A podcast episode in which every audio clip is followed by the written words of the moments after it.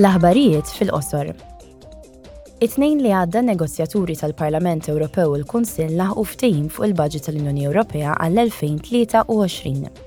Il-ftehim jifoka fuq li jitnaqsu l-konsegwenzi tal-gwerra fl-Ukrajna u fuq kontribut sabiex il-proċess ta' rkupru ta' wara l-pandemija ikun aktar effettiv. Il-Parlament irnexxu li jikseb madwar biljun euro minn barra dak li l-Kummissjoni kienet ipproponiet oriġinarjament bħala spejjeż.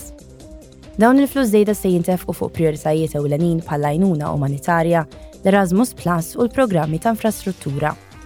Madwar 94% tal-baġit tal-Unjoni Ewropea jipprovdi appoġġ finanzjarju għaċ-ċittadini, ir-reġjuni, l-ibliet, il-bdiewa u n-negozji. Din il-ġimgħa l-Kumitat tal-Parlament għall-Industrija, ir-Riċerka u l-Enerġija ivvota favur pjanijiet li jagħtu spinta lill-użu ta' sorsi ta' enerġija rinnovabbli.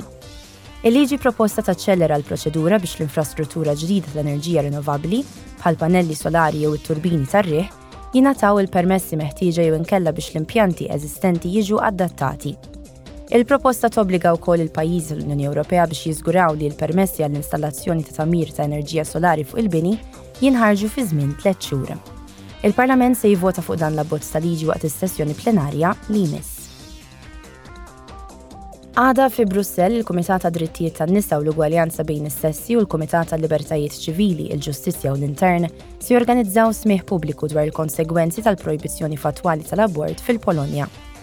Il-membri parlamentari Ewropej se jiddiskutu mal-qraba ta' dawk affettwati mill-projbizzjoni tal-abort u ma' rappreżentanti tal-NGOs li jiddefendu s-saħħa sesswali u riproduttiva u drittijiet relatati.